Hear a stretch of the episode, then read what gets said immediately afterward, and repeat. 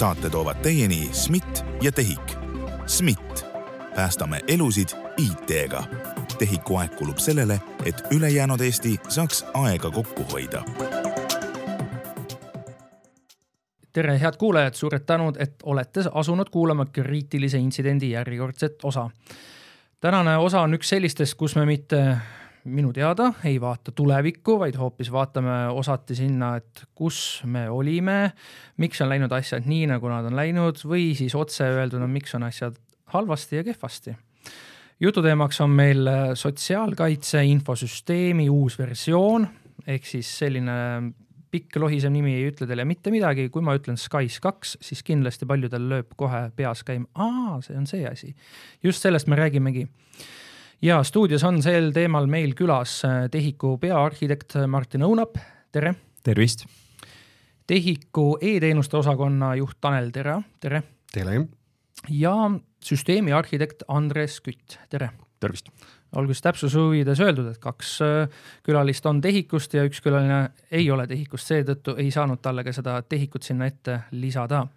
ning mina olen endiselt saatejuht Ronald Liive, aga asume siis asja juurde, see SKAIS kaks. Äh, räägime natukene seda tausta siis lahti, et äh, mis see on, kellele see on, millal selle kallal töö pihta hakkas SKAIS kaks või räägime siis üldiselt Sotsiaalkindlustusameti teenustest, ehk siis, et Sotsiaalkindlustusamet peab Äh, tagama selle, et kõik pensionid, hüvitised, toetused, kõik need oleks välja makstud ja keskne koht selleks täna on äh, SKAIS kaks ja SKAIS üks ka.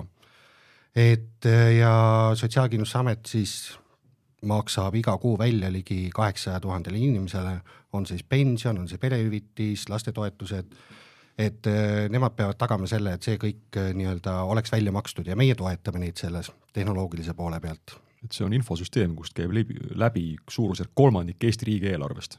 just. et see on päris palju raha ja päris keeruline asi. Nii, aga kui me nüüd paneme selle SKAIS kahe, paneme Google'i otsingusse, me leiame artikleid, mis on aastast, ma ei tea, mis juba, ehk siis mm -hmm. nii-öelda mitu aastat vanad ja me ei saa nüüd rääkida nii, et just värskelt oleks hakanud arendustööd pihta, et seda süsteemi uuendada, vaid kunagi ammu-ammu hakkasid need pihta. siis, kui loomad veel rääkisid, on ju et siis, kui loomad veel rääkisid, siis juhtus selline asi, et oli tulemas üks äh, reform, ma isegi ei mäleta, mis reform see oli, aga tuli tulemas reform. Ja leiti, et seda reformi on mõistlik teha uues infosüsteemis, mitte enam vanas. ja siis käivitati selline projekt nagu SKAIS kaks ja mm, kõikide tehnikute väiteid, et sellisel viisil, sellise ajaraamis sellist projekti teha sellisel viisil, sellise pauguga ei ole mõistlik, äh, tuli vastuseks, et peab, sest reform tuleb ja on vaja ehitada. reform tuli ja läks ja maailm ei saanud otsa, reform tehti ära, SKAIS kaks valmis ei saanud. Ja nüüd ongi see olukord, kus äh, need inimesed, kes ütlesid, et peab, et need on ammu kuskilt mingites peenemates ja paremates paikades. Äh, aga tehnikud on hädas siiamaani, kes ütlesid, et no ei saa ja kellele öeldi, et peab. ja noh, eks sealt need hädad meil algavad. mis seisus see SKAIS kaks siis praegu on, et midagi on ikka valmis saanud või valmis pole midagi saanud? no me põhimõtteliselt räägime ühest süsteemist, mis areneb püsivalt. Äh, jah, ta on meil sellise, võime öelda brändi nimega SKAIS kaks, tegelikult SKAIS kaks koosneb väga paljudest erinevatest moodulitest, väga paljudest erinevatest komponentidest, mis on omavahel kokku traageldatud. Ja tänases maailmas äh, me teeme püsivalt temaga tööd, et äh, tagada ärile kvaliteetne teenus ja see püsivalt tööd, nagu ma olen juba kümme korda öelnud, et on aastaid võtnud aega ja üks asi, mida leiab taaskord guugeldades, on see, et see on võtnud ka väga palju raha. kas te oskate öelda, viimane artikkel, mis ma leidsin, oli eelmise aasta oktoobrist, seal oli välja toodud rahasumma kakskümmend kaks miljonit eurot. kas see summa on nüüd aasta ja natukene peale veel suurenenud? nagu Martin ütles, siis tegemist on infosüsteemiga, mis elab nii-öelda, et sinna tuleb kogu aeg uusi teenuseid juurde ja äh, kui keegi peaks kunagi küsima, et millal SKAIS kaks või noh, jah, SKAIS kaks valmis peaks saama, siis sellist olukorda meil ei, ei saagi tulla, et SKAIS kaks nüüd on valmis. et tegemist on äh, süsteemiga, mille kaudu, nagu öeldi, üks kolmandik Eesti riigieelarvet välja makstakse, et äh, see nõuab paratamatut raha, et seda hooldada, üleval hoida, lisaks on seadusemuudatused, mis tulevad, uued äh, funktsioonid, uued teenused, et jah, see nõuabki raha ja vot see on see arusaam, et äh, me paneme kuskile mingisuguse raha hakkama ja pärast seda on kõik hästi, igavesest ajast igavesti, et see on üks osa sellest hädast, et miks meil SKS2-ga on nii, nagu on. Ehm, noh, palju, palju Maksuameti infosüsteem maksis? tont seda teab, on ju, et see kogu aeg sinna läheb mingisugust raha peale, sest kogu aeg äh, tuleb teda uuendada, kogu aeg ärireeglid muutuvad, eks, kogu aeg vajadused muutuvad. ega Eesti riik ei seisa paigal ju, jumala abiga ja tänane maailm, kui me vaatame, mis äh, maailmas toimumas on, kuidas äh, tarkvarakomponendid uuenevad püsivalt ja kuidas meile ebasoodsad äh, riigid katsuvad leida erinevaid võimalusi, kuidas ära kasutada tehnoloogilisi nõrkusi siis me peame tõdema, et kui me täna alustame arendust, siis kolme kuu pärast peame me tõenäoliselt asjad uuesti üle vaatama, sest selle aja jooksul on juba tekkinud probleemid, mis tahavad saada tähelepanu. Ja seda siis mitte ärilises vaates, vaid siis tehnoloogiliste komponentide vaates, millest nii-öelda tarkvara all kokku pannakse. kuulge, see oli nüüd poliitiku vastus. See ei olnud nagu, ma küsisin, et kui palju raha veel on aasta plussiga kulunud, vastused olid ilusad, kenad, arusaadavad aga ikkagi tavainimest äh, huvitab see rahasumma. et kui me räägime eelmise aasta oktoobriks oli kakskümmend kaks miljonit, mis me praegu räägime, kas me saame lisada sinna ühe miljoni, kaks, kümme miljonit? mul ei ole täna seda numbrit äh, öelda, et äh, ei, kümme miljonit see kindlasti ei ole. et aga mul ei ole täna seda konkreetset numbrit öelda, palju me nüüd teinud oleme, aga Äh, noh, siin tulebki nüüd arvestada seda, et tegemist ei ole nii-öelda musta auguga, kuhu me muudkui raha peale kühveldame, et siin ongi seadusemuudatused, ärinõuete muudatused ja nii edasi. aga kui suur see tiim on, kes seal nagu partnerite juures noh, suurusjärgus, et palju seal siis korraga nagu praegu möllab selle SKAIS2 ümber, lihtsalt et anda see suurusjärk võib-olla? kolmkümmend, nelikümmend inimest kindlasti noh, full time, eks ole. jah, see on full time. Okei, noh, see peaks andma ka selle, et noh, palju siis sinna raha kulub, eks ole, palju maksab see kolmkümmend inimest nagu full time, eks ole, korrutad aastatega, eks. Eks seda saab suurusjärgu kätte. ja me peame arvestama sellega, et kui me räägime kahekümne kahest miljonist, me ei räägi sellest, et me hakkame kahtekümmet kahte miljonit nüüd kulutama, me hakkame seda investeerima ja see ei pea kokku saama kakskümmend kaks miljonit, see on äh, raamleping, mille maht on ära piiratud, et sellest üle me ei saa minna. kui juhtub ime või äh, jumal soosib meid, siis sellisel juhul võib-olla me saame kümne miljoniga hakkama, on ju, selle perioodiga kuulge, aga jõuame nüüd siis tuumani ka, et äh, nii nagu me just kuulsime, et äh, üks saatekülalistest äh,, süsteemi arhitekt Andres Kütt ka siin kasutas võimalust ja küsis ka küsimusi, et võtab saatejuhi rolli endale ei, natukene. ei, ei, see ei olnud midagi kritiseerivat, vaid et ma küsikski tegelikult niimoodi, miks meil on Andres Kütt mikrofoni ees, mis on see põhjus? Andres Kütt on meil mikrofoni ees sellepärast, et meil, me tahtsime, et et äh, meil tuleks keegi nii-öelda värske pilguga väljast, vaataks äh, nii-öelda kõrvaltvaataja pilguga meil seda suurt pilti, kuidas meil täna asjad äh, on korraldatud, millega me tegeleme nii-öelda, et annaks oma hinnangu, kuidas kõrvalvaatajale, era, erapooletule nii-öelda inimesele välja paistab, kuidas me täna toimetame sotsiaalkaitse valdkonnas. et ja sellepärast me palusimegi ta appi, et äh, Äh, Andres käiks läbi nii äh, poliitikakujundajad, kujundajad ehk siis Sotsiaalministeerium, äh, Sotsiaalkindlustusameti ja ka TEHIK-u enda, et panna siis kokku selline suurem pilt, et kuidas tema pilgu läbi meil asjad toimuvad, kus on need kitsaskohad, et panna võib-olla näpp peale, et siin, siin ja siin on need kohad, mida, mida te peate vaatama. et kuna noh, meie inimesed reeglina äh, ütlemegi siis nii, et tegelevad väga palju nii-öelda tulekahjude kustutamisega, et äh, süsteemi üleval hoida, uusi funktsionaalsusi teha, et siis meil kulus selline kõrvaltvaataja pilk väga ära, et äh, keegi tuleks ja annaks meile omapoolse nägemuse. miks just Andres? kelle, kelle, kelle poolt, kust tuli see mõte, et või kas alguses oli kohe mõte, et me teame, keda me tahame, et nii-öelda täiesti sihitult ainult üks valik ongi või oli seal laua peal veel, et enam-vähem viis nime ja et valime nende seast nüüd ühe välja? Äh, see oli täiesti nii-öelda teadlik valik, et Andres, et äh, oma kompetentsi, teadmiste ja ei, see, see, see, selle, sinu koha peal ma võtan küll nüüd vastamise üle, sellepärast et äh, sellest, selles projektis ma põhimõtteliselt oleks osalenud ka siis, kui selle eest ei oleks saanud nagu sentigi raha. sellepärast, et ma olin selle SKAIS kahe alguse juures, ma nägin, kuidas see sündis ja ma olen selle koha pealt nii palju sõnu võt-, sõna võtnud, et eh, kui ma nüüd ainult nagu lõugu laiutaks ja, ja nagu muudkui kritiseeriks ja üritaks nagu kuidagi paremaks teha nagu päriselt, et nagu tõesti Eesti riigis läheks asjad paremaks, see oleks lihtsalt täiesti kohatu. et noh, ma, ma konkreetselt pean seda oma kohuseks, et ma panen sinna käed külge nii, aga räägime natukene seda nii-öelda varasemat töökogemust ka lahti neile saatekuulajatele, kes ei pruugi olla kursis, et praegu küll see, kuidas ma juhatasin sisse süsteemi arhitekt, mida see üldse endast kujutab? Ehm, no see kujutabki endast umbes sellist tööd, nagu siin TEHIK-us sai tehtud, et ähm, ma olen noh, niisugust tarkvara arhitektuuriga tegelenud siin kakskümmend pluss aastat ja, ja väga reegl-, noh, väga sageli või isegi reeglina ma ütleks, jõuab asi nii kaugele, et, ähm, et küsimus ei ole tehnikas, küsimus ei ole tehnoloogias, et räägid tehnikutega, siis tehnikutel tegelikult on üsna selge arusaam, et mida peaks tegema äh, või kus see nagu häda on. Aga on mingid põhjused, miks nad ei saa nagu lahendada seda probleemi, need on juhtimislikud, organisatoorsed, eks ole. siis me tekimegi, siis me jõuamegi sinna, kus äh, küsimus ei ole mitte selles, et kas tarkvara arhitektuur on nii või naasugune, vaid kas süsteemi kui terviku, ehk siis organisato-, organisatsioon, äriprotsessid, arendusprotsessid ja siis see tarkvara arhitektuur, et kas nad tervikuna koos ka mingisuguse loogilise pildi moodustavad või siis mitte. ja vot umbes niisuguste asjadega saigi TEHIK-us tegeldud ja noh, hetkel ma teen seda, teengi selliseid projekte nii-öelda eh, osalt vaba, vabakutselisena, osalt, eh, osalt siis osana tiimidest eh, ja nii Eestis kui välismaal. et ma sellega umbes tegelengi.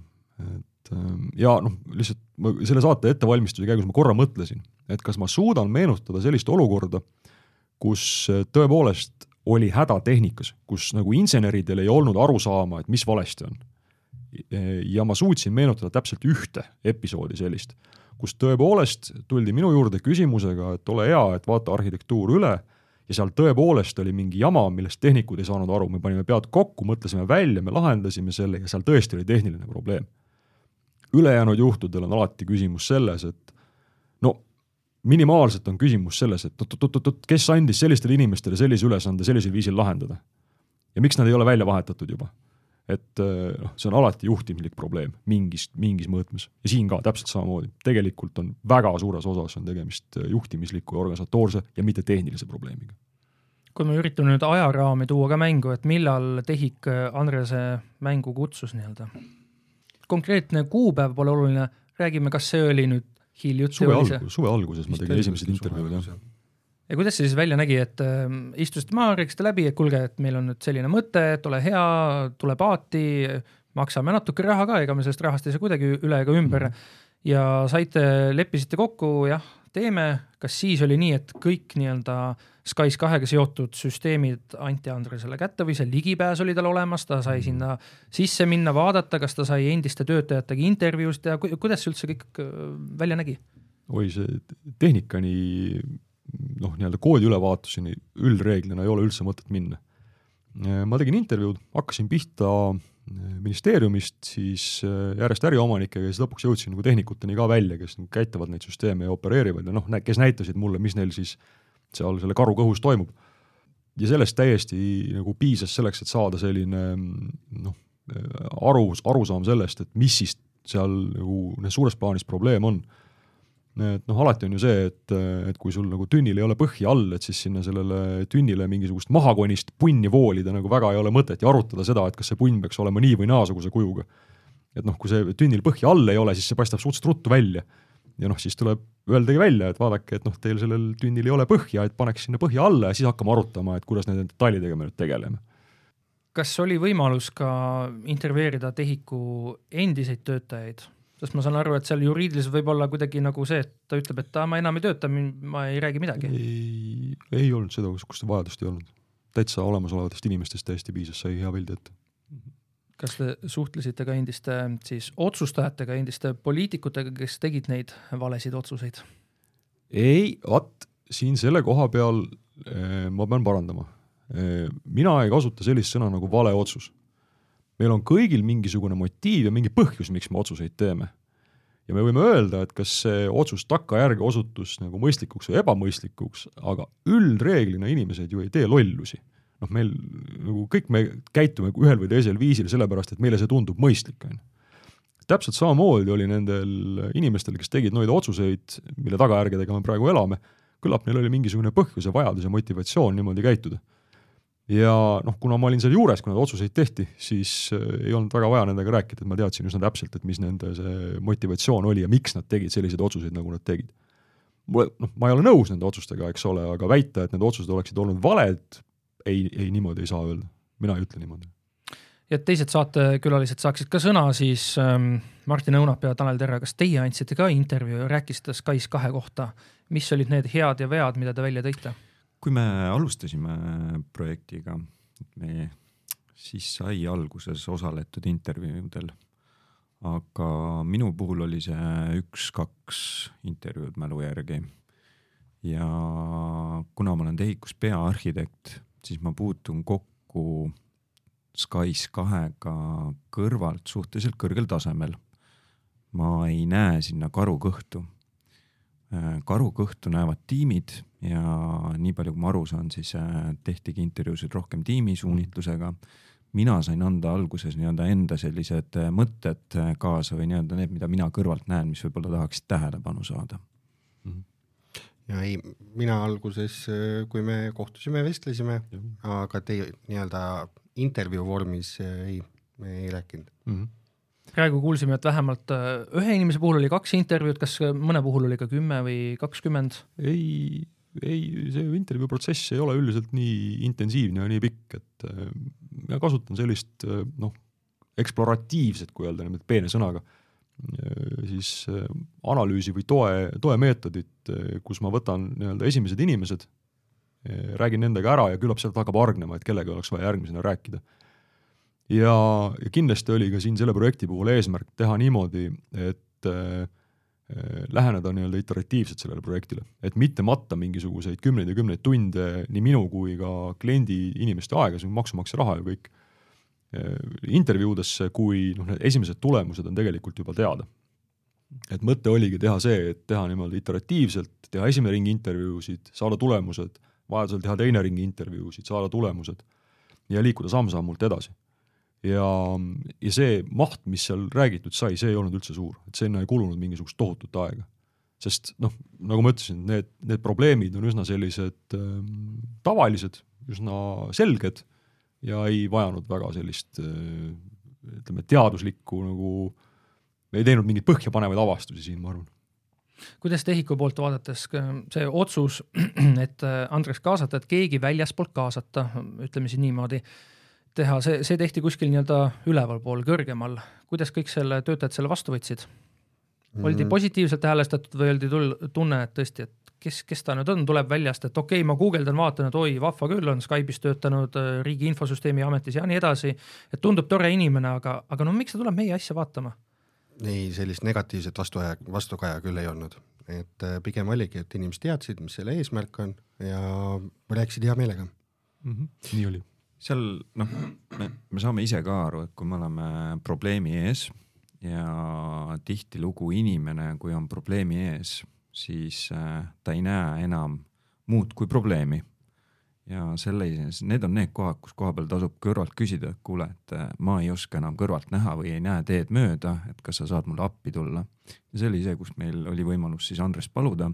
me teame, et meil on äh, probleemid, me saaks asju paremini teha aga olles iga päev ise selles tulekahjus, siis on keeruline näha neid lahendusi või suundasid. isegi kui nad tunduvad äh, tulemusena täiesti mõistlikud, siis ei pruugi neid alati ise ära näha.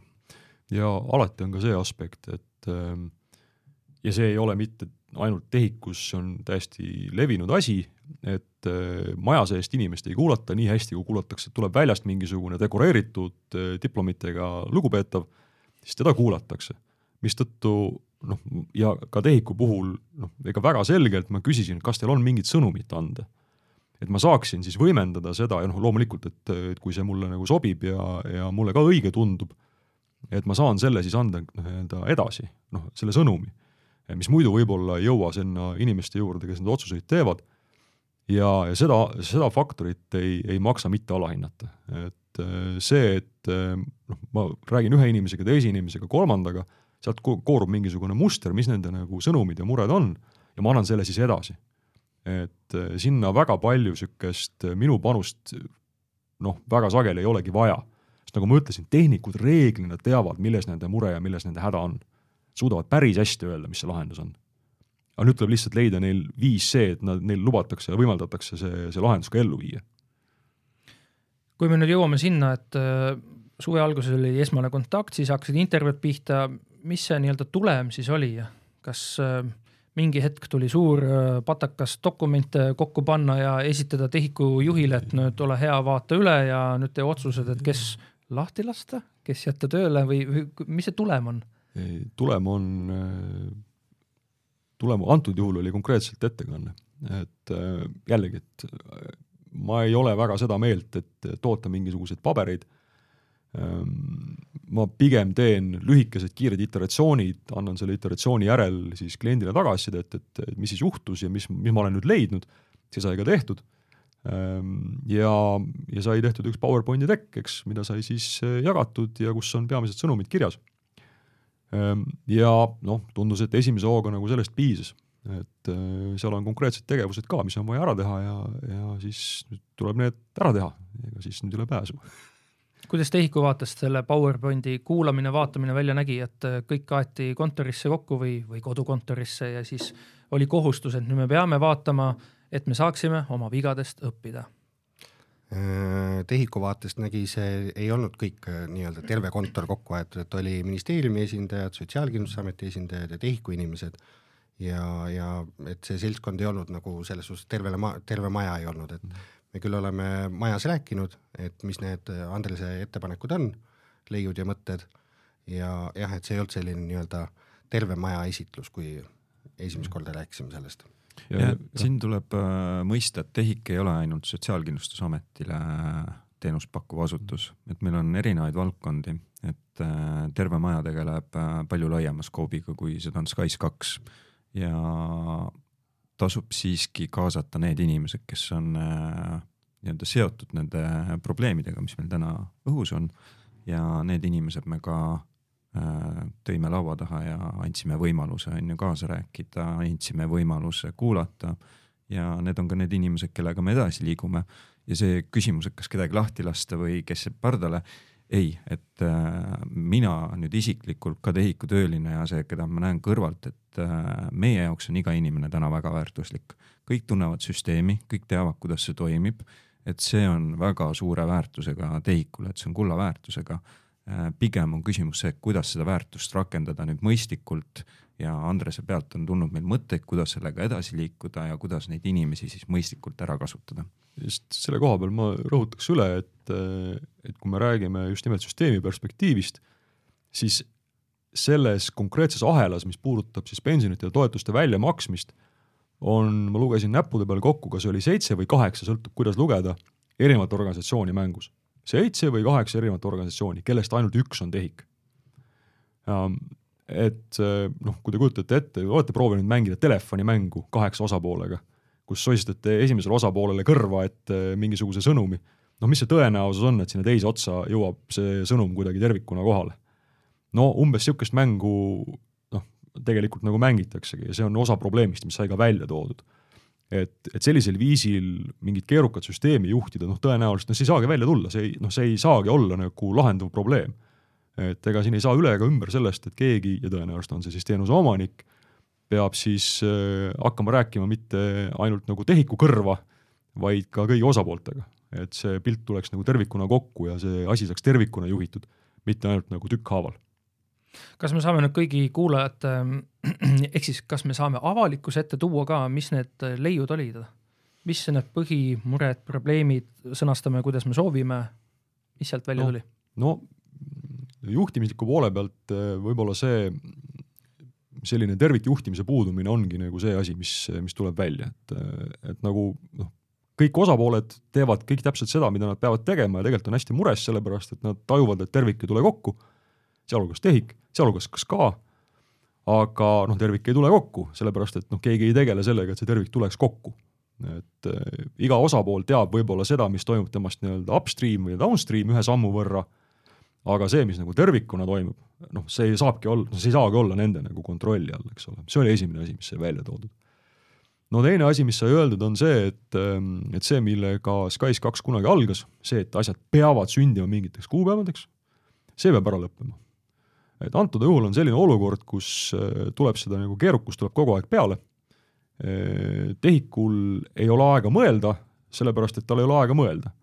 kuna tal ei ole aega mõelda, siis võtavad kõik asjad kaua aega ja on keerulised, kuna kõik asjad võtavad kaua aega ja on keerulised, siis on kõikide asjadega tellija poole pealt kiire, kuna tellijal on kõigi asjadega kiire, siis on TEHIK-ul surve peal ja nii me seda ringi pidi käime.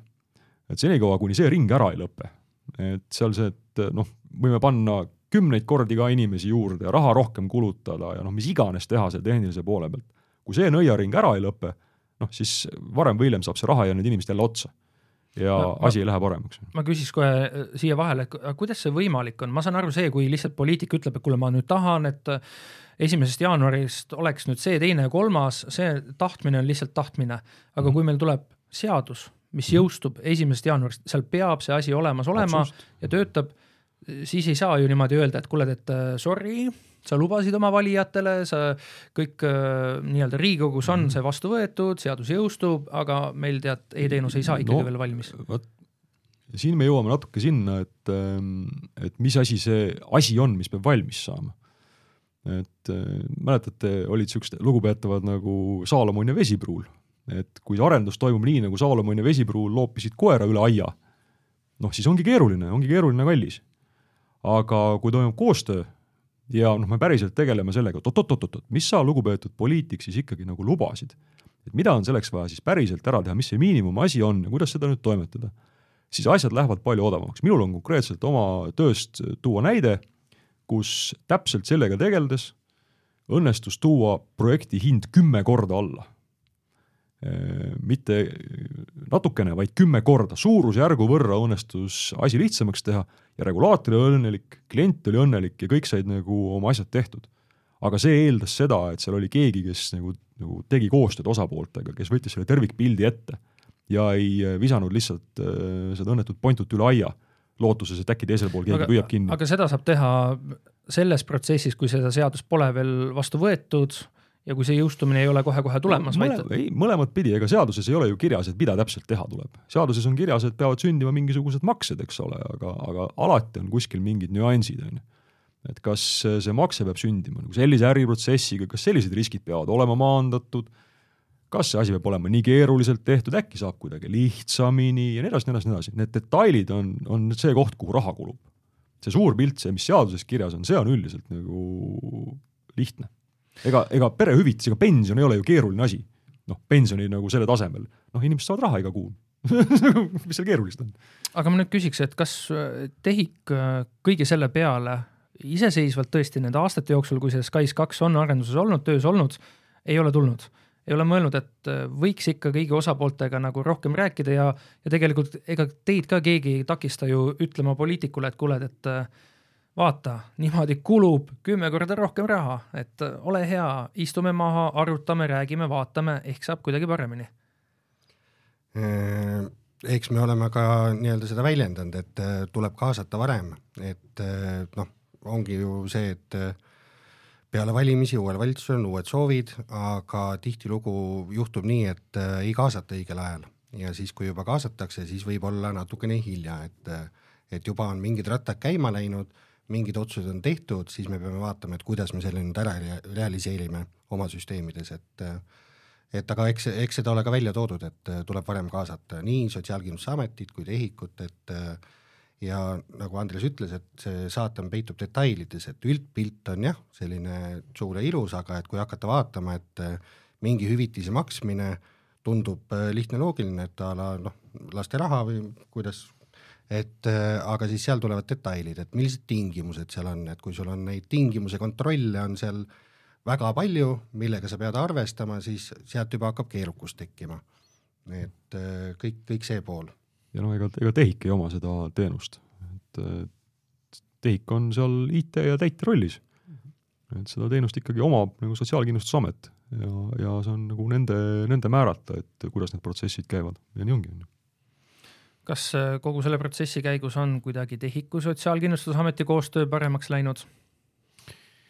meie koostöö Sotsiaalkindlustusametiga ma hindaks, et on alati olnud hea, et nad on head partnerid, aga mõnikord elu juhtub mm. ja, ja see on nagu paru-, paratamatu, et äh, kui meil on äh, Sotsiaalkindlustusametiga omad prioriteedid paika pandud, suunad paika pandud ja, ja tulevad muutused natuke ka nendest kõrgemast kihist, siis on keeruline, noh, võtame, et me oleme pool aastat oma eesmärgid paika pannud, meil on tiimid äh, saanud tööd kätte, kuidas nüüd ütleme, järgnevad pool aastat edasi liikuda ja juhtumisi, kui tulevad poliitilised soovid, mis äh, äh, ei lähe kokku nende prioriteetidega, mis sai too aeg tehtud, siis see hakkab omamoodi mängima kogu seda mängu natuke teistpidi. et äh, täna, kui me oleme andnud oma partneritele, keda ei ole ainult on ju üks, et me räägime, et meil ongi püsivalt seal nelikümmend inimest äh, umbkaudu, kes teeb äh, igapäevaselt tööd ja kui me nüüd peame nende lauale tooma ühe sellise ad hoc asja, et mis on vaja esimeseks jaanuariks ära lahendada, siis on väga keeruline seda teha teiste prioriteetide kõrvalt meil on äh, seda saadet juba pool tundi olnud, äh, kahjuks ma ei ole varasemalt jõudnud teid kiita, TEHIK-ut kiita, sest et äh, mulle alati meeldib, kui inimesed on valmis tulema rääkima asjadest, mis ei ole nagu hästi läinud, kui on midagi negatiivset nii-öelda. Te ikkagi olite nõus siia mikrofoni ette tulema ja rääkima sellest. Ähm, samas meil ei ole mikrofoni ees Sotsiaalkindlustusameti esindajat, kes ähm, tõele au andes oleks pidanud siin täna olema kas sellest saab välja lugeda seda, et TEHIK oli igati rahul ja nõus sellega, et Andres Kütt tuleb ja vaatab süsteeme, aga Sotsiaalkindlustusamet oli pigem niimoodi, et, et ei, me ei taha ikka teda. ei, ei, et äh, Sotsiaalkindlustusamet on samamoodi alati nõus tulema laua taha, et äh, kui me enne siia tulekut äh, nii-öelda kokku leppisime, kes tuleb, et siis oligi, et me täna keskendume siin rohkem nii-öelda tehnilistele teemadele, et ja veel kord, et Sotsiaalkindlustusamet kuidagi ei hoia eemale sellest äh, kogu sellest protsessist, et ja nagu Martin ütles, et meie koostöö on väga hea Sotsiaalkindlustusametiga, aga täna oli meie fookus rohkem tehnilistel nii-öelda suundadel, teemadel, et äh, sellepärast ei ole nad täna siin laua taga. Ja omalt poolt ka, et äh, tihtipeale, et kui lähed ettevõttesse või organisatsiooni sisse, siis on näha, et noh, kuskil on mingi hõõrumine või et noh, koostöö ei tööta ma niisugust asja ei, selles kontekstis ei kohanud, et, et inimesed üldiselt said kenasti läbi ja pingutasid nagu ühiselt äh, selle eesmärgi saavutamise nimel. küsimus ongi selles, et noh, neid äh, suure, suure pildi nagu kokkuvedamist äh, on, on väheks jäänud ja seetõttu see üksikud pingutused ei, ei, ei pruugi vilja kanda. aga võib-olla tõesti läheks nende tehnik-, tehniliste nagu asjade juurde, sellepärast et kogu selle organisatoorse asja all, seal on tegelikult ka päris huvitavad ja päris nagu äh, sellised õpetlikud tehnilised äh, väljakutsed. nii, ja need on? no näiteks äh, on, äh, vot siin lugupeetud IT-juht avaldas arvamust selle kohta, kuidas programmeerija ei peaks üldse ülikooli minema, sest tal ei ole sellest mitte midagi kasu. no vot, siin on konkreetne juhtum, kus oleks olnud kasu. niisugune härra nagu Donald Knuth, kui te ei tea, kes see mees on, et siis vaadake internetist järele tema aastal seitsekümmend neli kirjutas paberi eh, programmeerimisest ja seal paberis ta ütles seda, et enneaegne optimiseerimine on enamasti saatanast. ja see on teada, see aastast seitsekümmend neli. vaat oleks mingisugune inimene lugenud, oleks aru saanud, oleks ülikoolis võib-olla õpetatud talle, siis ei oleks niisugust olukorda nagu, nagu TEHIK-us on, näiteks seal on realiseeritud asi niimoodi, et kuna teatud arvutused on kallid ja keerulised, siis need tehakse ette ära et kui saabub inimene sinna sellesse nii-öelda andmestikku, eh, siis eh, kohe toimub arvutamine, et eh, kogu, vist peaaegu kogu tuleviku peale ette või arvutatakse kogu periood. kogu, kogu periood arvutatakse talle siis nii-öelda ette välja, et palju ta siis mingi kuu maksma hakkab. aga kui jumal hoidku, et inimesega juhtub midagi, kas ta saab rohkem lapsi või jumal paraku vähem lapsi või, või ta sureb ära või noh, mis iganes muutus on, noh, siis tuleb kõik ümber arvutada. ja ega need ärileeg-, ärireeglid, mille alusel need arvutused on tehtud, ega need ka muidugi ei muutu kunagi, on ju. ja siis, nii kui nad muutuvad, siis tuleb kõik ümber arvutada. ja noh, siis muudkui toimub niisugune nagu kohutav ümberarvutamine, sellepärast et nagu see ühekordne arvutamine osu-, oleks osutunud, osutunud liiga keeruliseks, on ju. noh, ja hästi klassikaline, hästi õpetlik asi, on ju. ja noh, jällegi, et, et öelda, et see on nüüd mingisugune uudis või, või mingisugune niisugune värske asi või et, või et TEHIK ei teadnud sellest, noh, see see ei ole nagu tõsi.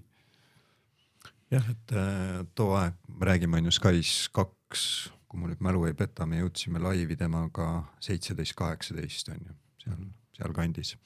et äh, elu on ka muutunud selle ajaga ja ka eesmärgid ja ka maailmavaade, kuidas mingeid asju teostada, on muutunud selle ajaga.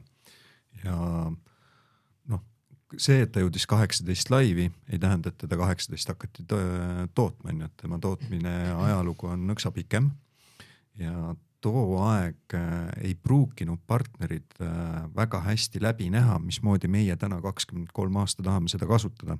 ja sellest tulenevalt äh, tehti tõenäoliselt otsuseid, mis sellel hetkel tundusid kõige paremad. Täna me näeme, me katsume õppida sellest, mida elu meile nüüd on näidanud ja oleks vaja neid tegevusi natukene ümber teostada, nagu siin Andres tõigi välja, et selline igakuine arvutamine kas see on mõistlik, kas me saame seda natukene võib-olla paremaks teha, mismoodi me saame seda paremaks teha. Eh, arvutustulemusena jõuavad lõpuks need tulemused on ju inimese pangakontole, et kuidas nad sinna jõuavad, kas me saame ka seal midagi ära optimeerida, kas see on mõistlik äh, teha seda sellisel kujul, nagu me iga kuu seda teeme, kus me äh, suhtleme pankadega, laseme kindlaid summasid üle kanda või on ka seal võimalik pankadega leida natukene teistsugused kokkulepped, sest me räägime täna on ju kaheksasajast tuhandest maksest, mis tehakse. et äh, iga kuu kaheksasada tuhat kirjet sarnasel kujul panka saata võib-olla pole kõige mõistlikum, too aeg ta võib-olla oli, oligi ainus võimalus, täna on elu edasi läinud ega see pangad ka seal teisel pool nagu nutavad, kui see kaheksasada tuhat makset korraga nagu mõne päeva jooksul nende suunas tuleb. ega nende süsteemid ka nagu väga hästi vastu ei võta neid asju. kuulge, aga kokkuvõtteks, mis siis nagu edasi saab? et äh, töö on tehtud, on, on nii-öelda näidatud, mis on, mis on head ja mis on vead. me oleme vist vigadest rohkem rääkinud, mis, mis need head asjad olid? head asjad on äh, minu meelest see, et äh, A, nagu ma ütlesin, koostöö töötab väga hästi. teiseks, B, mitte ühtegi inimest ma ei kohanud, kes ei oleks olnud nagu mures või kes ei oleks nagu kuidagi tundnud ennast nagu, et ta ei, ei oleks tundnud, et tal on vaja nagu pingutada selleks, et asi saaks paremaks. ja, ja kolmandaks ikkagi noh, väga selgelt on need lahendused nagu olemas. et noh, on tehnikud tasemel, noh, paneme sinna tabelisse noodindeksid ja teeme noodtabelid tühjaks ja muudame selle asja ära ja teeme tolle otsuse teistpidi. Need on tegelikult nagu väga hästi teada. ja noh, see näitab seda, et noh, kompetentsid on olemas, küsimus on selles, et, et see kvartett on vaja lihtsalt natuke nagu, antud juhul tõepoolest on olukord selline, kui, kui see kvartett natuke teistmoodi nagu istuma panna, see tulemus saaks parem. ma arvan, et kõige olulisem asi, mis on hästi hästi on see, et äh, pensionipäeval saavad pensionärid täna oma raha kätte. lapsetoetuste päevadel saavad äh, vajalikud isikud lapsetoetused kätte. et äh, süsteem toimib. süsteem toimib, meil on lihtsalt võimalus seda veel paremaks teha. ja noh, see on nagu tegelikult kriteerium ja ma olen tegelenud arhitektuuriga nagu piisavalt kaua ja mul on olnud piisavalt kaua visiitkabel arhitekt kirjas ja selle koha peale mina ütlen, et nagu arhitekt, arhitekti ilu või arhitektuuri ilu ei sünni patta panna. kui need maksed toimuvad, siis on hästi, kui maksed ei toimu, on halvasti. kas see on ilus või kole, noh, see ei puutu üldse asjasse. aga mis nüüd äh, edasi saab? Andres on oma töö ära teinud, äh, tulem on käes Mm -hmm. kas, kas nii lihtsalt jääbki või kuidagi ei, midagi ei, õpitakse sellest ei, ja tehakse mingeid muudatusi näiteks? et äh, ei olnud äh, eesmärk see, et Andres käib ja näitab ära ja läheb samamoodi edasi, et ei, et see ei ole eesmärk, et kuigi ma olen väga ilus, minu vaatamisest oleks ju palju rõõmu. seda kindlasti aga mis siis edasi saab äh,? meil on nüüd äh, edasised plaanid on see, et äh, Andres tõi välja, et siin on äh, nii-öelda see pikk ahel, kus on hästi palju osapooli. et me tahame aasta alguses äh, natukene oma setup'i muuta selles suhtes, et äh, senimaani TEHIK on hoidunud nii-öelda sellest suunast, et me omale arendajaid värbame, aga nüüd siin sotsiaalkaitse valdkonna puhul me näeme, et kuna see ahel on väga pikk, palju erinevaid osapooli on, siis me hetkel tahame minna body leasing'u teed, ehk siis tuua omale arendajad tuppa nii-öelda. et äh, me alustame väikse setup'iga, me võtame mõned arendajad, paar analüütikut, et teeme seda ahelat natuke lihtsamaks, et äh, et siis ongi, et me saame neid arendajaid ise juhtida, kes meil majas sees siis hakkavad äh, vaatamas neid nii-öelda kitsaskohti. siis järgmine samm on see veel, et me tahame hakata nüüd tulema allapoole kihtides kuni tehnilise täitsa arhitektuurini välja, ehk siis äh, see sihtarhitektuur paika panna, et kuhu me tulevikus liigume, kuidas me oma teenused üles ehitame tehnilise poole pealt. et me tahame sinna kaasata äh, enda maja arhitektid, arend-, arenduspartnerite arhitektid, et, et hakata kokku panema siis seda pilti, tehnilist pilti, et milline meil need tulevikulahendused, kuidas hakkavad olema. et jah mulle jäi siit kõrvu, et ähm, Skype kaks läheb veel kallimaks, sest et te ju palkate inimesi juurde, arendajaid juurde endale. Ei, selle tulemus pigem on äh, vastupidine, et see tähendab seda, et me võtame sealt paar lüli vahelt ära, et äh, meil on arendajad nii-öelda otse endal toas, et meil on äh, võib-olla siis nii-öelda arenduspartneri projektijuht on vahelt ära, selle, et selle, selles suhtes läheb, äh, läheb lihtsamaks ja et noh, sul, on, see... sul on praegu lihtsalt kõrvalpilguna, lihtsalt et panna see noh, pikk ahel kuidagi nagu konteksti.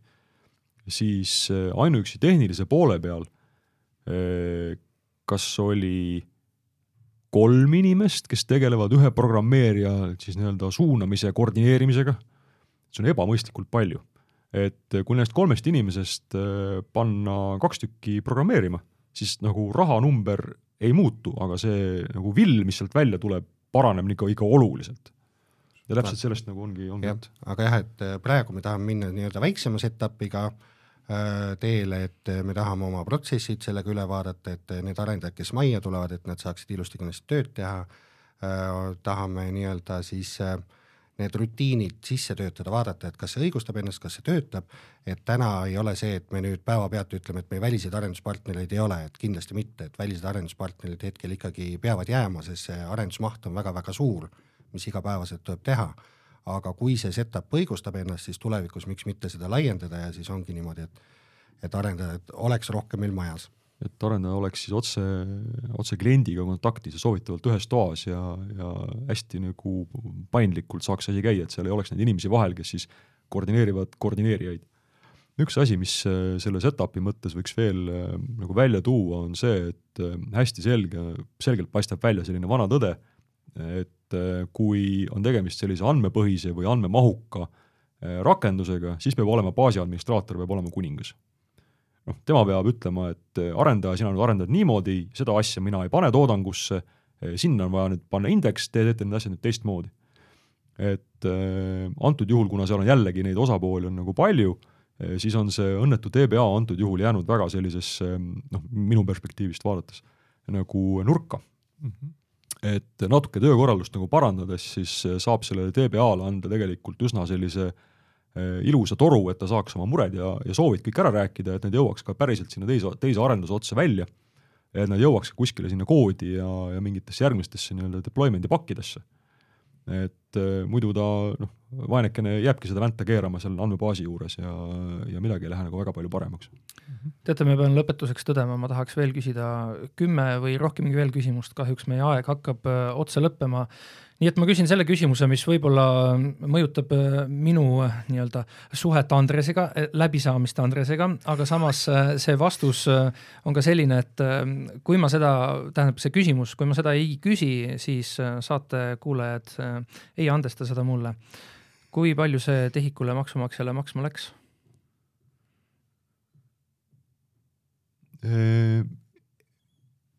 jään numbri võlgu ehm, üldiselt kui ma tudengitele õpetan, et ähm, kui arhitekt ei too äh, kümnekordset katet majja, e, siis ei tasu ära. see on, see on eesmärk. aga suurusjärk? Mõned sajad, ma ütleks isegi niimoodi. Võib-olla oli sajad või... tuhanded, mõned sajad eurod, väga, väga suur erinevus. no ütleme, neljakohaline number oli kindlasti. Et äh, sinna neid tunde ei läinud väga, väga palju, veel kord, et, et see töö ei olnud tegelikult väga suur, mis tehtud sai ja head kuulajad, eks see aeg meile näitab, kas see äh, kulutatud raha on läinud asja ette või mitte, vähemalt praegu see jutt, mis me kuulsime, on, kõik on ilus ja tore ja, ja kena, aga jah, aeg annab arutust meile. küsimusi, nagu ma ütlesin, oleks veel, mida tahaks küsida, aga ju siis peab teema juurde kunagi uuesti tagasi tulema ja ehk näiteks artikli vormis rohkem kaevuma detailidesse. head kuulajad, saime tänases saates ülevaate SKAIS kahe probleemidest ja headest nurkadest ka ja sellele, nii nagu öeldud, vaatas siis otsa süsteemi arhitekt Andres Kütt, majast väljas inimene, kes sai TEHIK-usse ligipääsu ja uuris ja puuris süsteemi lähemalt. saates lisaks Andres Kütile oli külas ka TEHIK-u peaarhitekt Martin Õunap ning TEHIK-u e-teenuste osakonna juht Tanel Tera suured tänud kuulamast, mina olin saatejuht Ronald Liive ja kohtun teiega juba uuel nädalal ja ütlen veel nii palju ära, kuigi kalendrist on juba, vaatab vastu sellised kuupäevad, et ega keegi väga ei viitsi enam midagi teha, siis nii nagu selle nädala teema, ka järgmise nädala teema on väga huvitav ja põnev, nii et äh, ma soovitan kõigil ikkagi reedesel päeval leida podcast'i äpist kriitiline intsident üles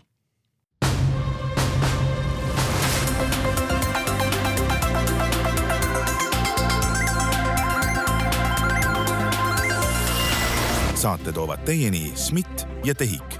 SMIT, päästame elusid IT-ga. TEHIK-u aeg kulub sellele, et ülejäänud Eesti saaks aega kokku hoida